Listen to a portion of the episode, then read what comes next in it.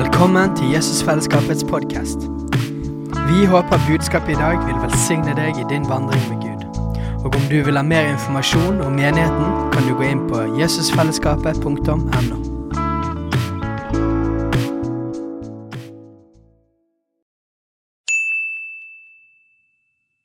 Hei! Visste du at Jesusfellesskapet starter en ny bibelskole til høsten? Den heter Jesusskolen og starter den 3. september. Gå inn på jesusskolen.no for mer informasjon.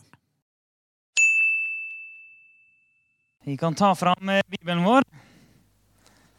Det er mange som har den på mobil. eh, Noen har den kanskje fortsatt fysisk.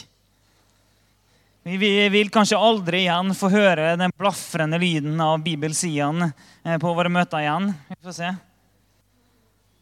Men det blir en god del bibel i dag. Det hadde vært litt morsomt hvis jeg kom opp her og sa det, det blir veldig lite bibel i dag. Det, men det, nei, det, blir en god del bibel i dag. Det blir det. Vi, eh, vi er jo i en eh, slags serie. Vi snakker om menigheten. Med litt sånn avbrudd av gjester og litt andre ting. Men eh, utover høsten så snakker vi om menigheten. Steinar snakka om at menigheten er til Guds ære. Fredrik snakka om eh, at vi er lemmer på Kristi kropp. Jeg skal fortsette å eh, snakke i dag om, eh, litt om eh, hva det vil si å gi seg inn til en menighet. Men før, før vi kommer så langt at, jeg skal snakke om det, så må litt sånn fundament som må legges først. Mange av dere vet at hjemme nå så driver jeg på å prøve å bygge et loft. Eh, Jeg prøver. Det er ikke alltid det fungerer, men jeg prøver. Eh, Og det går veldig sakte når jeg gjør det alene. eh, Og så går det veldig fort når mamma og pappa er på, besøk. Og mamma og pappa er på besøk nå, så det, det, er, det er ikke ofte de er her. De sitter det- Så det, det sitter et veve... Ja, ja, det kan, vi kan godt klappe for det. Altså, vi kan, vi kan godt klappe for mamma og pappa. Altså. Er, for hvis dere er glad i meg, så vet dere hvem dere skal takke. Eh, Da kan det gå til dem. Det er dem som har skapt meg og oppdratt meg til å bli så bra som jeg er. Så, det er, men, så de fortjener all ære, altså. Virkelig. Er, for Jeg hadde lyst til å bare si- to ord om det. Det er viktig at vi ærer, ærer folk når vi kan. Og uh, Mamma og pappa har lært meg uendelig mye. Uh, fortsatt så bærer jeg i meg et, eh, et inntrykk fra når jeg var veldig veldig liten. Når jeg så pappa forkynne, og så stakk det meg i hjertet. Og så kjente jeg det er det der jeg skal gjøre. Det pappa gjør nå, det er det jeg skal gjøre. Og det er sånn, Hva jeg tenker på nå, så kjenner jeg fortsatt den følelsen. Jeg vet ikke hvor gammel jeg var da. om jeg var fem, seks, sju år. Jeg aner ikke, men det var eh, rundt den alderen kanskje. Og Det har bare båret med meg. Så når jeg ser for meg mitt liv, når jeg ser for meg resten av mitt liv Det bildet jeg får i mitt hode da, det er faktisk pappa som forkynner. Det bildet jeg får når jeg skal se for meg hva er det jeg skal gjøre resten av mitt liv, jo, det ser jeg faktisk for meg på pappa. Og det er utrolig verdifullt. Og jeg er utrolig velsigna som har fått lov til å vokse opp med, med foreldre på den måten. Det er ikke alle som har den velsignelsen, men jeg har det. Og jeg har en mamma som eh, har lært meg viktigheten av å be. Det, hun lærte meg noe nytt i går. Fordi at eh, Når vi driver og bygger på loftet, og så er vi jo eh, litt mannfolk som driver og bygger, så vi, det, det, som du vet, det, er, det er en grunn til at kvinner lever lenger enn menn. Det er fordi at eh, menn ikke orker å bygge opp eh, nødvendig stillas og beskyttelse og diverse når de skal holde på med ting. Så eh, i går så eh, fikk vi montert ny trapp. Kjempefin, ny trapp opp til loftet. Og så skal jeg opp og fikse noen ting oppi veggen. Så tar jeg med meg en krakk. Og da ser jeg Den passer ikke helt liksom, eh, til trappetrinnet, men eh, det er jo tre av fire bein på den krakken er jo på trappetrinn. Det ene er utafor, men det går bra. Jeg, bare står, jeg står bare på den kanten, sånn at jeg legger vekten på de tre som er på. Det her går fint. Så går jeg opp og så styrer jeg på med mitt. Så vet jeg ikke hva som skjedde, men plutselig så sto jeg ikke der lenger. For at, eh, så plutselig så velta den krakken. Så jeg landa på krakken og på trappa, og det, krakken knakk litt. Og trappa fikk noen nydelige, fine merker det samme dag. Eh, det gikk for så vidt greit med meg. Eh, og så gikk det noen timer, så var min bror på besøk. Og så eh, eh, var han oppe i stigen. Og vi, vi, sto, det, det var, vi tenkte at okay, nå, tar vi ikke krakk i trappa, nå tar vi stige fra gulvet litt lenger opp. Det her går bra. Og Så gikk han opp, begynte å jobbe litt, og plutselig så sklei den stigen. Og så falt han. Um, og så gikk jo det for så vidt bra, det òg. Benjamin fikk seg en god trøkk som sto i nærheten. Det var egentlig ganske ekkelt, men det gikk veldig bra, for Gud er god. Um, og da tok mamma og samla oss etterpå. Og så sa hun at eh, nå må vi be. Og så, så, så sa hun det at eh, når vi har lyst til å si akk, akk, akk, så skal vi si takk, takk, takk. Og så takka vi Jesus. Takka vi Jesus for at det her går bra. Og så ba vi. Og Jeg er utrolig heldig som har fått lov til å vokse opp på den måten. At vi ber sammen.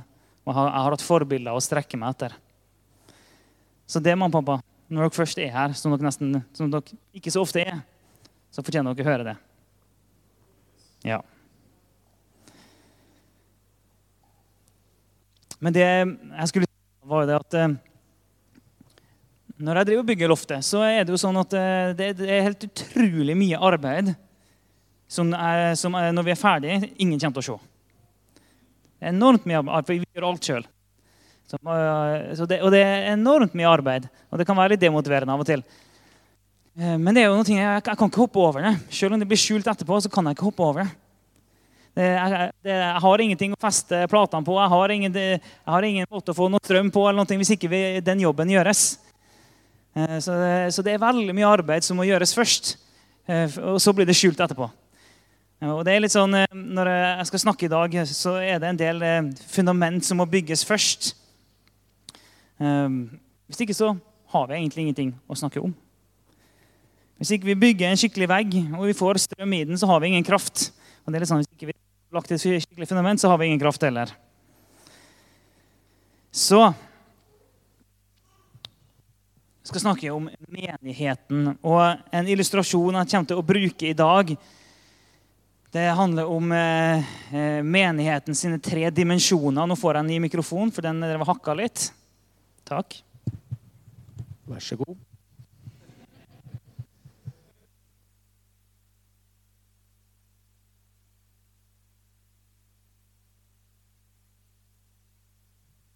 Der, ja. Sånn. Jeg skal snakke om menighetens tre dimensjoner. Jeg har ikke veldig mye eh, kunnskap om våre øyne og, kroppen sånn generelt, men jeg har forstått det sånn at vi har to øyne som gjør at vi får en evne til å vurdere høyde, bredde og dybde. Og det gir oss et tredimensjonalt bilde av virkeligheten. Så gjennom at vi klarer å vurdere høyden, bredden og dybden, så får vi et korrekt bilde av virkeligheten.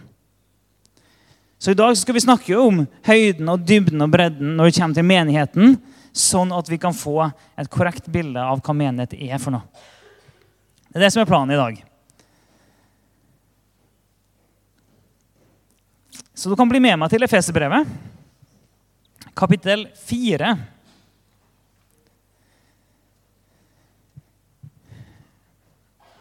Og Vi skal begynne med å snakke om høyden. Har, høyden her har jeg satt som Kristi kropp. Bredden, eller dybden, har jeg satt som eh, tilrettevisning og byrdebæring. Så kan du bare vente i spenning på, på hva i all verden det er for noe. Og, eh, og, og bredden vil vi snakke om det praktiske, konkrete uttrykket i eh, våre lokale fellesskap. Men i Efeserbrevet kapittel 4, vers 11-16 skal vi lese. Så skal vi lese de, fem versene her i sin helhet. Og det var han som ga noen til å være apostler, noen til profeter, noen til evangelister og noen til hyrder og lærere, for å utruste de hellige til tjeneste så Kristi kropp bygges opp, inntil vi alle når fram til enheten i troen på Guds sønn og i kjennskapet til ham, og blir det modne mennesket som er fullvoksent og har hele Kristi fylde. Så skal vi ikke lenger være umyndige småbarn. Ikke la oss kaste hit og dit og drive omkring ved hvert eneste vindpust av ny lære så vi blir et bytte for menneskers falske spill og listige, og forførende knep. Men vi skal være tro mot sannheten i kjærlighet. og i ett og alt vokse opp til ham som er hodet, Kristus. Ut fra ham blir hele kroppen sammenføyd og holdt sammen av hvert bånd og ledd, alt etter den oppgave hver enkelt har fått tilmålt, så kroppen vokser og bygges opp i kjærlighet. Ut fra denne versen her kunne vi tatt det her mange mange veier. Det første jeg vil peke på, det er når det står om eh, tjenestegavene, apostler, profeter, evangelister osv., så, videre, så står det at de er til for å utruste de hellige til tjeneste. De hellige, det er jo oss. Okay. Så, det, det, så Paulus snakker jo her om et fellesskap av de hellige, et fellesskap av de troende. For at eh, apostler, profeter, lærere og hyrder er satt til å utruste menigheten, de hellige. Så det er fellesskapet. Så Kristi kropp bygges opp. Jeg er i vers 12 nå. Ok, For å utruste fellesskapet, utruste de kristne, utruste de hellige, utruste de troende, hva enn ord du vil bruke på det, utruste kristne, så Kristi kropp bygges opp. Ok. Dette er ikke noe nytt for dere, men, er, men vi tar det sånn likevel. Så det er fellesskapet av de hellige, fellesskapet av de troende. Vi er Kristi kropp. Lenger nede så står det jo om at um, i, eh, i, vers 15 så står det om at, at, vi skal i ett og alt vokse opp til Han som er hodet, Kristus. Og i vers 16 ut fra ham blir hele kroppen sammenføyd og holdt sammen. Ok, Så vi er Kristi kropp. Fellesskapet av den troende. Vi er Kristi kropp. Videre i vers 13 så står det inntil vi alle når fram til enheten i troen på Guds sønn og i kjennskapet til ham og blir det modne mennesket og blir det modne mennesket. Ok? Så vi er fellesskapet av den troende som utgjør Kristi kropp. Og vi skal vokse. Vi skal alle nå fram til enheten i troen på Guds sønn og i kjennskapet til ham. Og vi skal bli det modne mennesket som er fullvoksent og har hele Kristi fylde. Så når vi snakker om det modne mennesket her, så er det både en eh, det er både en individuell modning som den enkelte kristne og det er en, en kollektiv modning som fellesskap av den troende. Så, men vi skal nå fram, og vi skal bli det modne mennesket. Og så er det satt i kontrast til i vers 14, når det står at vi ikke lenger skal være umyndige småbarn.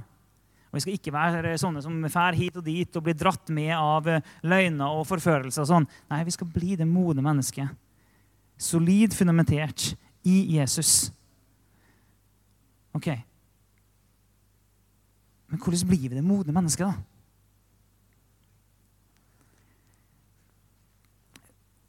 Vi tror jo at, eller, at Jesus han er én. Vi tror på én Gud. Én og tre, men vi tror på én Gud. Så han, han har ikke flere kropper. Han har én kropp. Jesus har bare én kropp. Så det vil si at eh, Når Bibelen er tydelig på at vi kristne vi utgjør Kristi kropp. Og han har bare én kropp. Da finnes det ingen mulighet til å komme seg unna den kroppen. Det er ingen som kan klare å komme seg unna den. Det er ingen som kan, kan uh, verken uh, sette seg sjøl uh, utafor den kroppen eller bli kasta ut av den kroppen. Sant? Det er én Gud. Det er én kropp. Når vi gir vårt liv til Jesus, så blir vi en del av den. Bare én.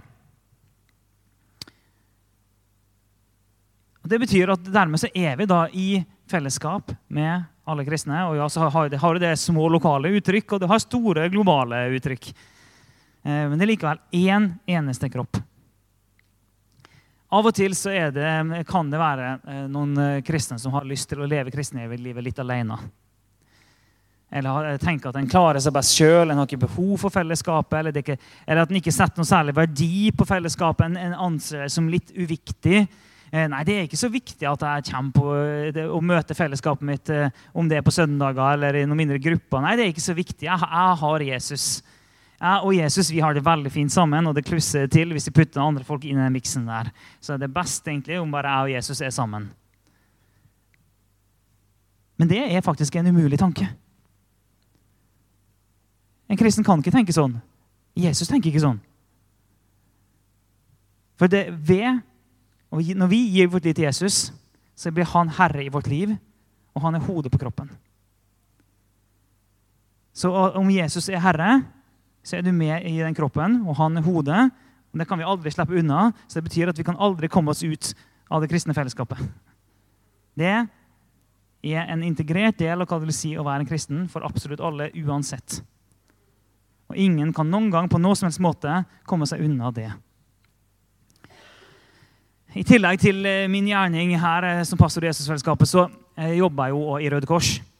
Og der, Jobben min der handler om organisasjonsutvikling og ledertrening og jobbe med frivilligheten og sånn.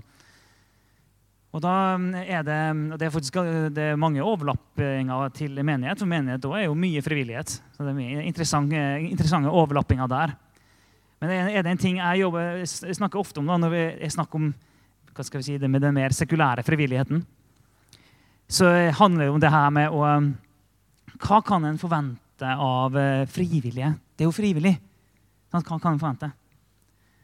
Og Da pleier jeg å si at det, det er helt frivillig å være frivillig. Men hvis du frivillig blir frivillig og tar på deg noe ansvar, så er det ikke lenger frivillig. Så du kan frivillig ta på deg noe ansvar, men da er du ikke lenger helt frivillig. For du, eh, Det er helt frivillig å ta på deg et ansvar, og ansvaret er alltid en viss begrensning. Det er helt frivillig. Du kan velge å ikke gjøre det, men gjør du det, så har du frivillig tatt på deg en begrensning. Så da er du ikke lenger helt fri. da.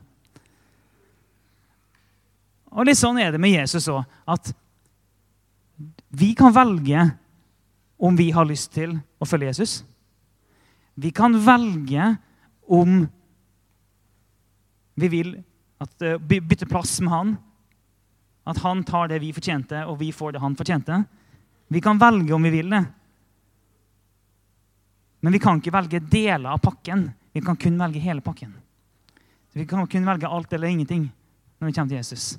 Vi kan ikke velge at jeg tar frelsen, men jeg tar ikke det andre. Jeg tar, frelse, jeg tar himmelbilletten, men jeg tar ikke det kristne fellesskapet. Det går ikke. Det enten så er det sånn at vi tar imot alt, hele Jesus, med alt det det innebærer, eller så er det ingenting. Sånn er det kristne livet. Det er faktisk alt eller ingenting på den fronten der. Så det er helt frivillig om vi har lyst til å følge Jesus. Men velger vi det, og vi gir vårt liv til han, og sier at du Jesus, du er herre i mitt liv, du er hodet Når vi gjør det, så er vi ikke lenger helt fri. Skal du være helt fri, så, skal du vel egentlig per definisjon ikke ha noen som er herre over deg. I alle fall sånn jeg tenker Det finnes noen dypere åpenbaringer i hva frihet egentlig er. da, eh, som vi kan snakke om en annen gang. Frihet kommer egentlig ut fra rammer og autoritet. og mye sånn, eh, Men det, det tar vi ikke i dag. Men i alle fall en veldig enkel, eh, litt overfladisk forståelse av frihet vil handle om at du er fri hvis ingen bestemmer over det. Det finnes mye dypere åpenbaring av frihet enn det, men ja, vi kan snakke om det sånn akkurat nå. Du er fri hvis ingen bestemmer over det.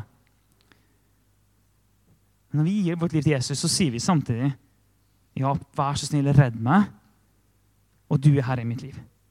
Vi sier faktisk det. Og Det får en del konsekvenser for våre liv at Jesus er herre. Det får noen konsekvenser for hvordan vi velger å leve.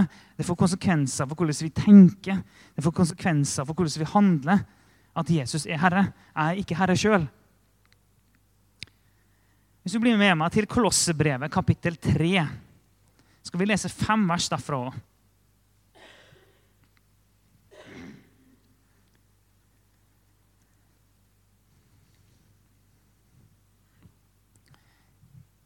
Fordi nå, det, det, som er poenget mitt her, da, er at eh, det kristne fellesskapet det kan vi som kristne ikke velge bort. For Jesus har ikke valgt det bort. Og vi er en del av én kropp. Det, så alle som er her inne, er helt fri til å velge bort Jesusfellesskapet. Det er dere helt fri til å gjøre. Det er ingen som må gå akkurat her. Det er ingen som må være med i dette fellesskapet. Så alle kan liksom, gå ut i dag og si at eh, jeg syns det var så kjipt det Alf Kåre snakka om, at jeg har lyst til å stikke langt vekk fra Jesusfellesskapet. Det er alle helt fri til å gjøre. Eh, så det, må, det kan dere gjøre. Men det er ingen som kan bevege seg vekk fra fellesskapet av de troende fra de hellige. Ok, Så når vi ikke kan velge oss vekk ifra det, fordi det er en integrert del av å følge Jesus, hvordan velger vi da oss da inn i det? Og hvordan ser det ut å være en del av det? Når det er en ting som er integrert. Å være en del av et fellesskap med ulike uttrykk på ulike steder, ja. Ulike sesonger osv. Men hvordan ser det ut? Så I Kolosserbrevet kapittel 3, vers 12 begynner vi. Dere er Guds utvalgte, helliget og elsket av ham. Kle dere derfor i inderlig medfølelse og vær gode, milde, ydmyke og tålmodige. Så dere bærer over med hverandre og tilgir hverandre hvis den ene har noe å bebreide den andre. Som Herren har tilgitt dere, skal dere tilgi hverandre. Og over alt dette, kle dere i kjærlighet, som er båndet som binder sammen og gjør fullkommen.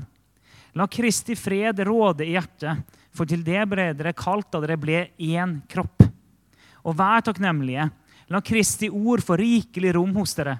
Under undervis og rettled hverandre med all visdom. Syng salmer, viser og åndelige sanger til Gud av et takknemlig hjerte. Og la alt dere sier og gjør, skje i Herren Jesu navn, med takk til Gud vår Far ved ham. Dette høres ut som et veldig fint fellesskap å være en del av. Og det, og det, det, er ikke til å legge skjul på at det finnes fellesskap som er dårlige og finnes fellesskap som er gode. Men et fellesskap som er sentrert rundt Jesus så godt planta i han, vil i økende grad ligne mer og mer på det vi leser her. Og Det handler jo om helliggjørelse. Det handler om Jesus' likhet. Når vi vandrer sammen med Jesus, vi er fylt av Den hellige ånd, og vi vandrer sammen med andre som følger Jesus, som òg er fylt av Den hellige ånd, så former det oss til å bli mer lik Jesus. Men den forminga, den helliggjørelsen, den skjer aldri alene. Og når vi leser her, sant, Det er ingenting av det vi leser her, som åpner opp en eneste dør for en form for solokristendom. Det åpner ikke opp en mulighet for at uh, jeg og Jesus kan sitte i et hjørne alene, og så blir jeg veldig lik han av at jeg ber masse, masse, masse, masse, masse, selv om det er veldig bra. og du må gjerne gjøre det. Men det skjer alltid sammen med resten. Det skjer som en del av kroppen. Og Det står her òg i vers 15. La Kristi fred råde i hjertet, for til det ble dere kalt da dere ble én kropp. Det er bare én. Én kropp, én Jesus, én global kirke med ulike uttrykk.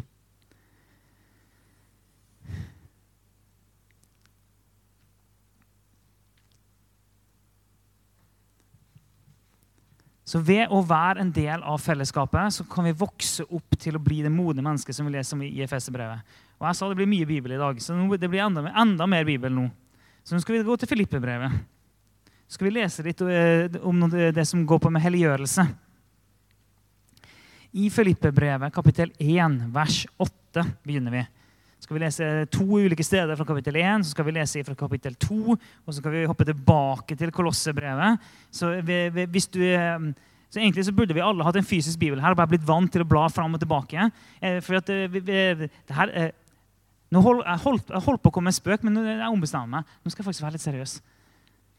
Eh, det, er fint med, med Bibel på mobil også. Jeg bruker det, jeg òg.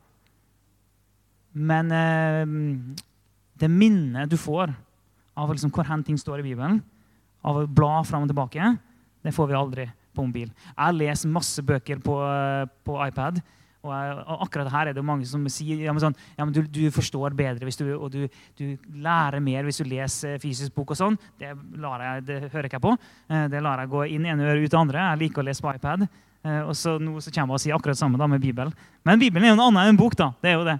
Eh, så bare Min oppfordring er kun les gjerne Bibelen på mobil, men ikke, ikke slutt å bruke den fysiske Bibelen.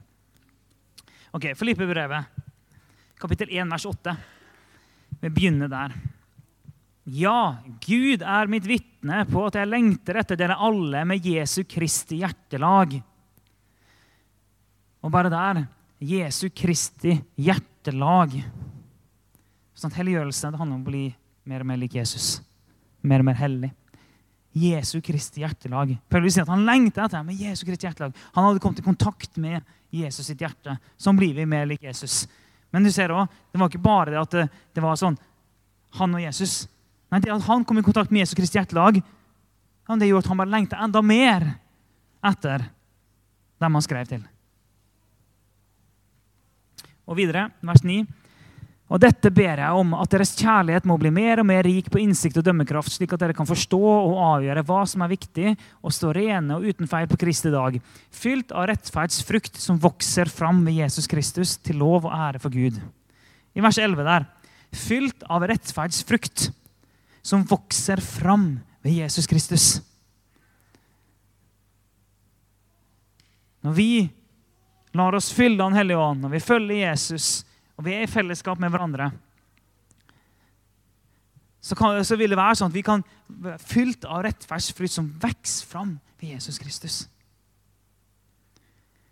Litt senere, i samme kapittel, i vers 27, så skriver han Se bare til at dere fører et liv som er Kristi evangelium verdig. Og Det handler om det samme. Vi må føre et liv som er Kristi evangelium verdig. Og hvordan gjør vi det? Jo, det gjør vi at Jesus får forme oss, og vi blir forma av dem som vi lever sammen med. Da går vi videre til neste kapittel.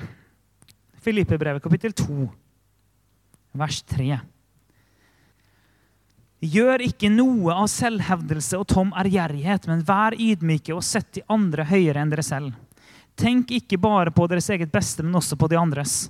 La samme sinnelag være i dere som også var i Kristus Jesus. Så vet vi jo det at Rett etterpå der så kommer det jo fantastiske versene om at Jesus anså det ikke som eh, nå holdt jeg på å glemme teksten, men anså det ikke som et råd liksom, å holde på sin, eh, på sin plass i himmelen. Og han kom ned til oss. Så det er bare å skumlese de versene videre der nå, selv om du skal prøve å høre på meg, for det er verdt det. Men så la samme sinnelag være i dere som også var i Kristus Jesus. Samme sinnelag. Og her snakker han jo om sant, Vær ydmyke, sett de andre høyere enn deg sjøl. Og så går han rett over til å snakke om hvordan Jesus gikk ned og løfta oss opp. Det sinnelaget, sier han, la det være i dere. Og jeg vet ikke med dere, men jeg vet i alle fall med meg sjøl at jeg klarer ikke å ha det sinnelaget hvis jeg skal prøve å ha det sinnelaget alene. Og, og, og, få til det sjøl. Jeg klarer ikke det. Og så er det en god hjelp. Altså, det, altså, Gud taler til meg, og han uh, korrigerer meg når det trengs. og sånn. Men vi har òg fellesskap rundt oss som bygger oss opp når vi trenger det, og som korrigerer oss når vi trenger det. Jeg håper her inne at alle har opplevd gleden av en god og sunn korreksjon. Det, alle har jo ikke opplevd noen av dårlige òg. Men jeg håper du har opplevd den gode korreksjonen, for den, den finnes. Der, eh, der, du fikk en korreksjon. Var, det gjorde kanskje vondt, men det gjorde òg godt. Og du ser at det var bra. Det ga god frukt. Den er nødvendig, den òg.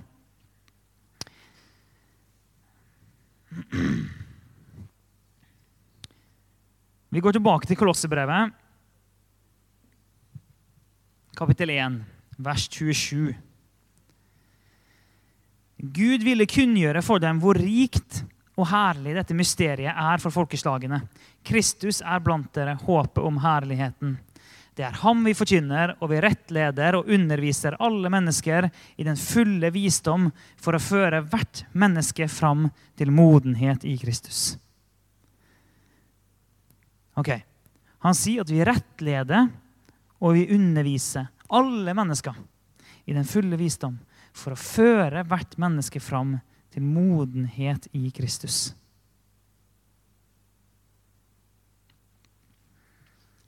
Ok. Hvis dere husker tilbake til Efeserbrevet, kapittel 4, vers 15, så står det at vi skal være tro mot sannheten i kjærlighet. Tro mot sannheten i kjærlighet. Tro mot sannheten i kjærlighet. Ok. Bare der så har vi det. Ok, det Kjærlighet og sannhet står ikke imot hverandre. Vi skal være trofast mot det som er sant, i kjærlighet. Vi skal holde fast på det som er sant, i kjærlighet. Og Når jeg har lest de versene, her, så er det veldig tydelig at Jesus sitt sinnelag Vi skal leve et liv som er Kristi evangelium verdig. Og Måten alt dette skjer på, det er å være tro mot sannheten i kjærlighet. Hvis du blir med meg til Galaterbrevet, kapittel 6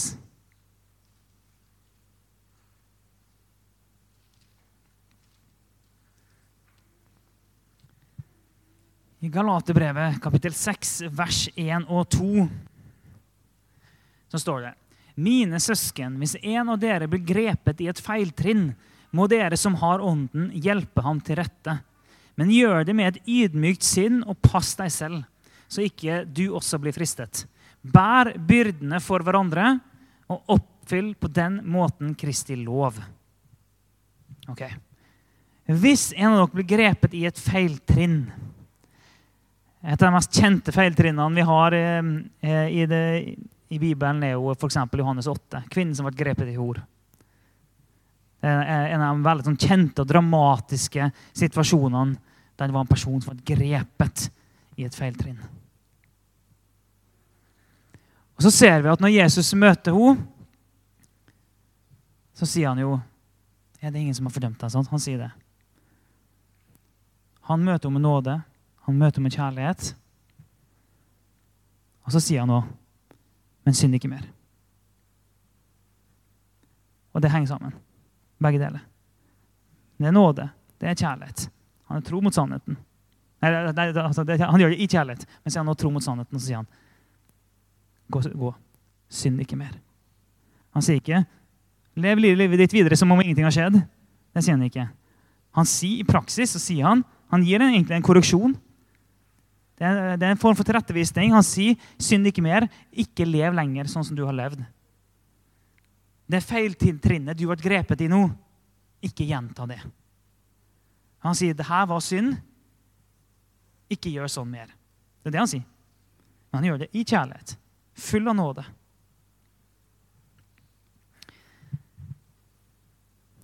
Når, og det, det, det, det, bildet vi bør ha klart for oss når vi står, okay, Hvis en av dere blir grepet i feiltrinn, så må dere som har ånden, hjelpe ham til rette.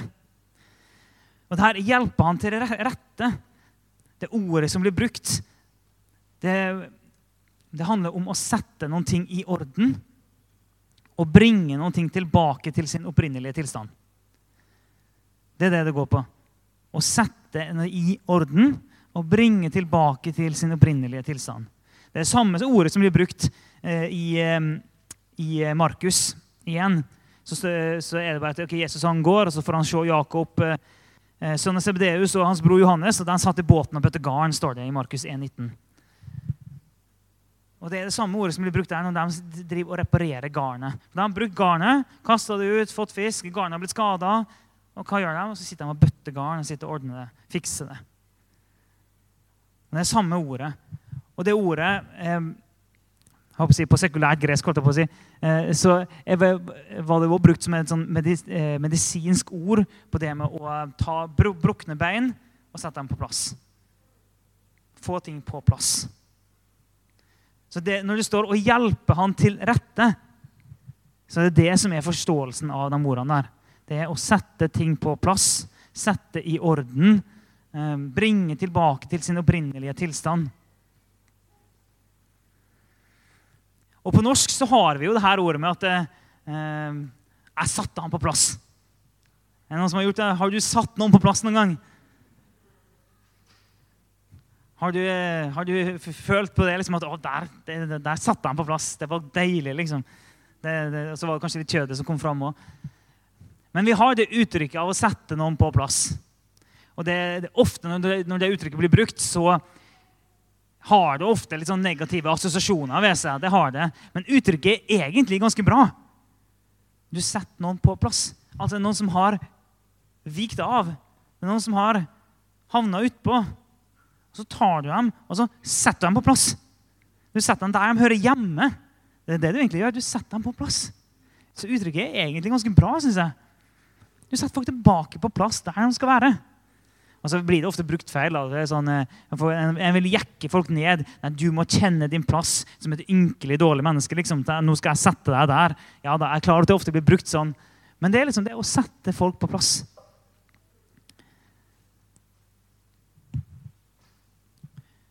Og Det kan, eh, det kan være litt sånn ubehagelig, det her med eh, å bli satt på plass av noen. Og Det kan være litt ubehagelig eh, at, eh, at, Jesus sier 'synd ikke mer'. Og Det kan være litt ubehagelig at det skal være en del av det kristne fellesskapet. At vi skal hjelpe til rette noen som blir grepet i et feiltrinn. Hjelpe til rette. Vi skal ikke overse det. Vi skal ikke slå dem i hodet. Vi skal ikke gå og baksnakke dem til andre. Vi skal ikke bare rapportere videre. Men vi skal hjelpe personen til rette.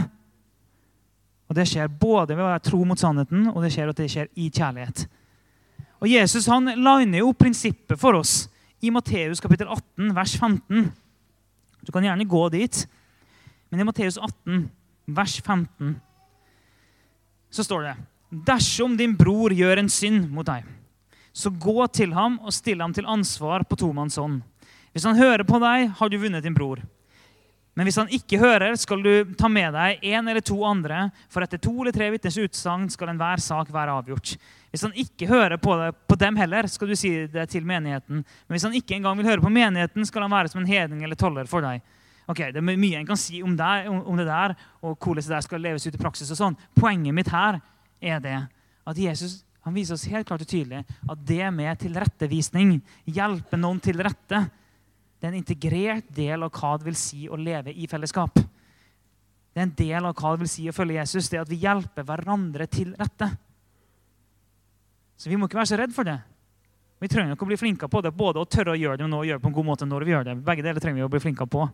Så prinsippet er enkelt. Det er ikke alltid enkelt å gjøre det, det sier jeg ikke. men prinsippet er enkelt. At Jesus stiller oss til ansvar for å stille våre brødre og søstre til ansvar. Det er faktisk en del av det kristne fellesskapet. Men så er det mer da, som er en del av det kristne fellesskapet. For nå, eh, Hvis dere husker Galaterbrevet 2 Jeg vet at vi hopper mye fram og tilbake, men det blir mye, mye Bibel. Hvis dere husker Galaterbrevet kapittel 6, vers 1-2 For det som står etter, det må hjelpe han til rette. Men gjør det med et ydmykt sinn, og pass deg selv, så ikke du også blir fristet. Og vers 2.: Bær byrdene for hverandre og oppfyll på den måten Kristi lov. Bær byrdene for hverandre. Her er flere ting vi kan si. Det ene er at vi kan si at eh, hvis vi tenker at kristenlivet skal være et liv uten byrder, så hadde det ikke stått her. Eh, bær byrdene for hverandre. Og Hvis vi tenker at kristenlivet hadde vært et liv uten byrder, så hadde ikke Jesus heller trengt å, å si så mye om, eh, om det. Men ok, det at vi har en byrde å bære, det er faktisk litt sånn that's life. Men det er ikke meninga at vi skal bære det alene. Og Her har vi noe gullet da, med at vi er med én kropp som vi ikke slipper unna, som vi faktisk ikke kan velge oss ut av engang. Følger vi Jesus, er vi stuck i hans kropp. Det er ingen av mine kroppsdeler som klarer å komme seg vekk fra min kropp. Det er Ingen av mine kroppsdeler kan bare stikke av gårde. Så noe av gullet er jo at vi er en hel gjeng som er stuck i Kristi kropp. Så det er egentlig veldig mange som kan bære byrdene til hverandre. Hvis vi bare gjør, gjør det som Jesus ber oss om å gjøre. Det er sånn, eh, Hvis du eh, går ut herfra nå etterpå, og så går du ut på gata her, og så ser du en eh, For så ser du en gammel mann som drev og bærer på en tung, tung, tung koffert. Hvis du er sånn noenlunde ved dine fulle fem, så vil du i det minste begynne å vurdere om du skal gå bort og, og tilby å hjelpe til. For du ser at her er det en mann som har en byrde som er for tung for han. Og da kicker det inn.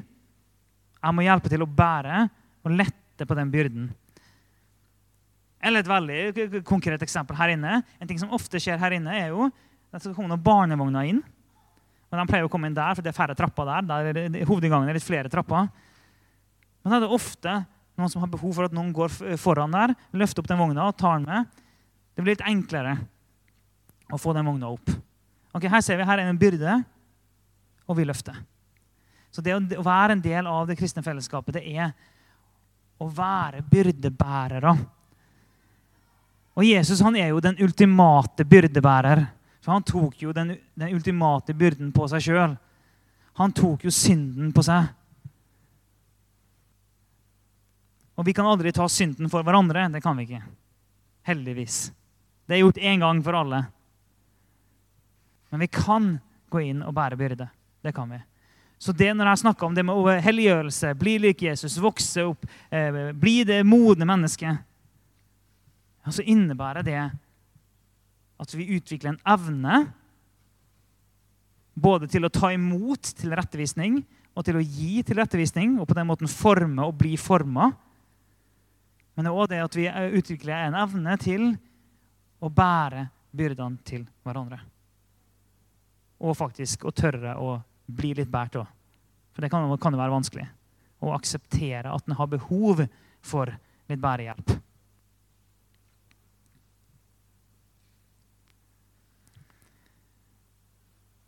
Og I Glatebrevet så, så, skriver han at eh, om en person blir grepet i feiltrinn, så må dere som har ånden Dere som har ånden Dere som er fylt av Den hellige ånd, dere som har gitt dere liv til Jesus, da må dere hjelpe han til rette.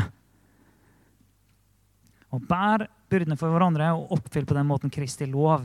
Og hva er Kristi lov, da? Kristi lov er at vi elsker sånn som han elsker oss. Det er det som er Kristi lov. Dere trenger ikke nødvendigvis å slå opp der, men i Johannes 13, 34 så sier, så sier Jesus at et nytt bud gir jeg dere.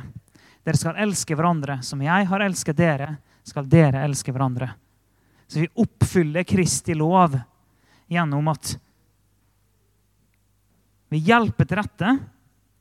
Vi setter i orden vår bror som har behov for det, eller vår søster. Og så bærer vi byrdene til hverandre. Det er måten vi oppfyller Kristi lov på. Det er måten vi elsker hverandre sånn som Jesus elsker oss.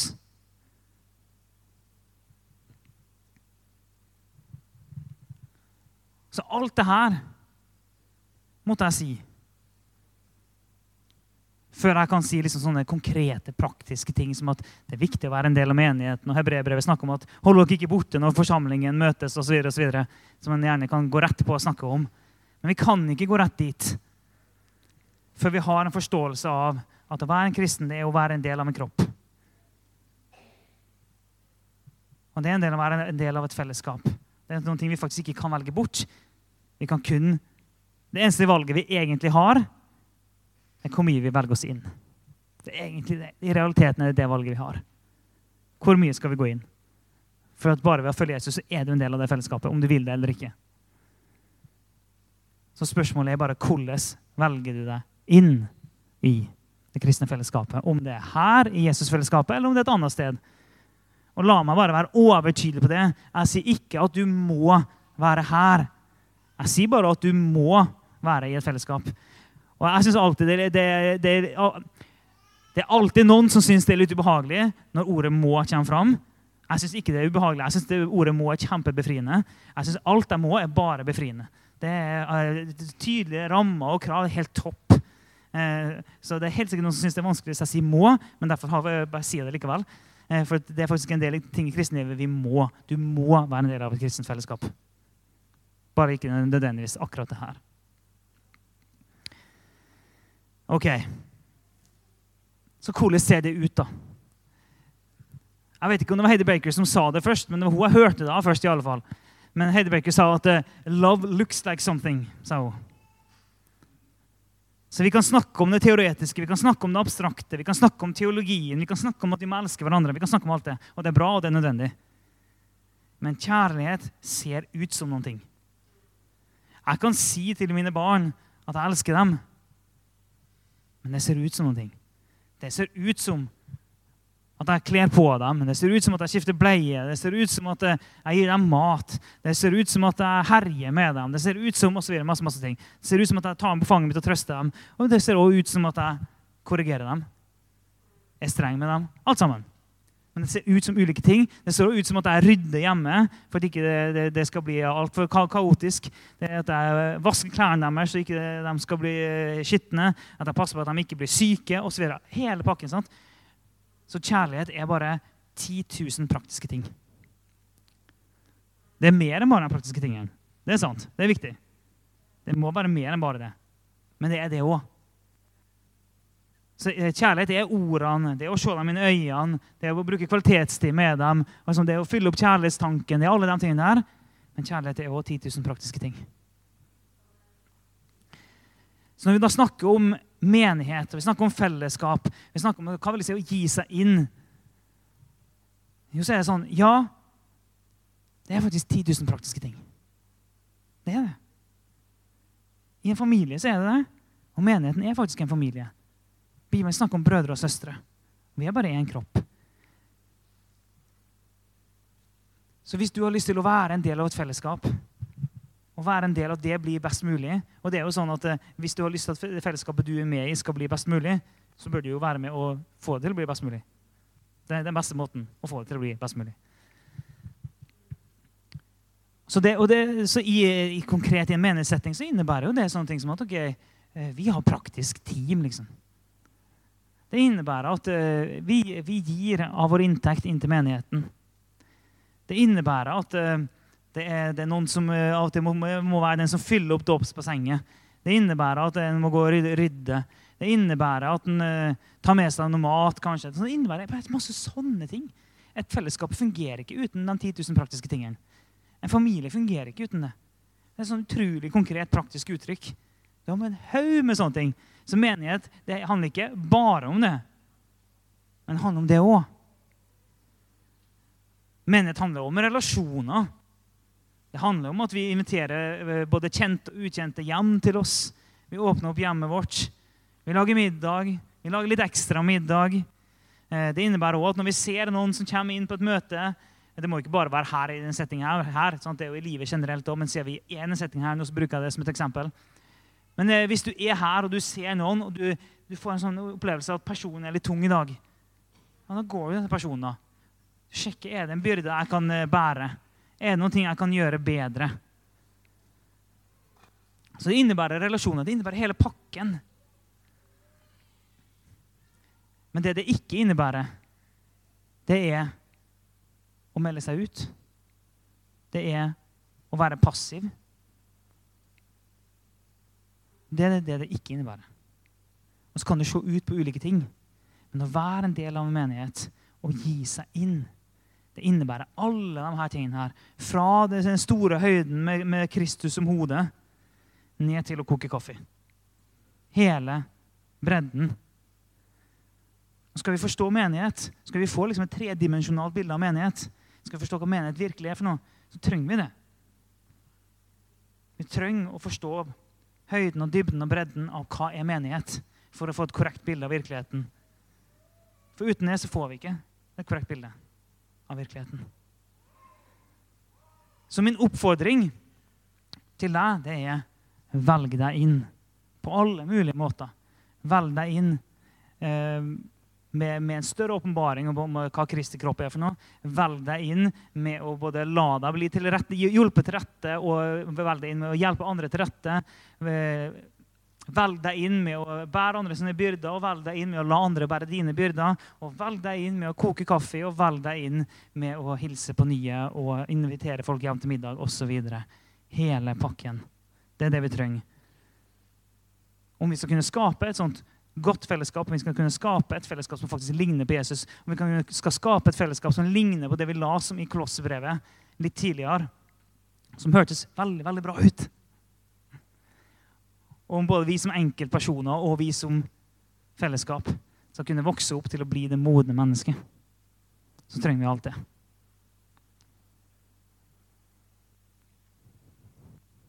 OK?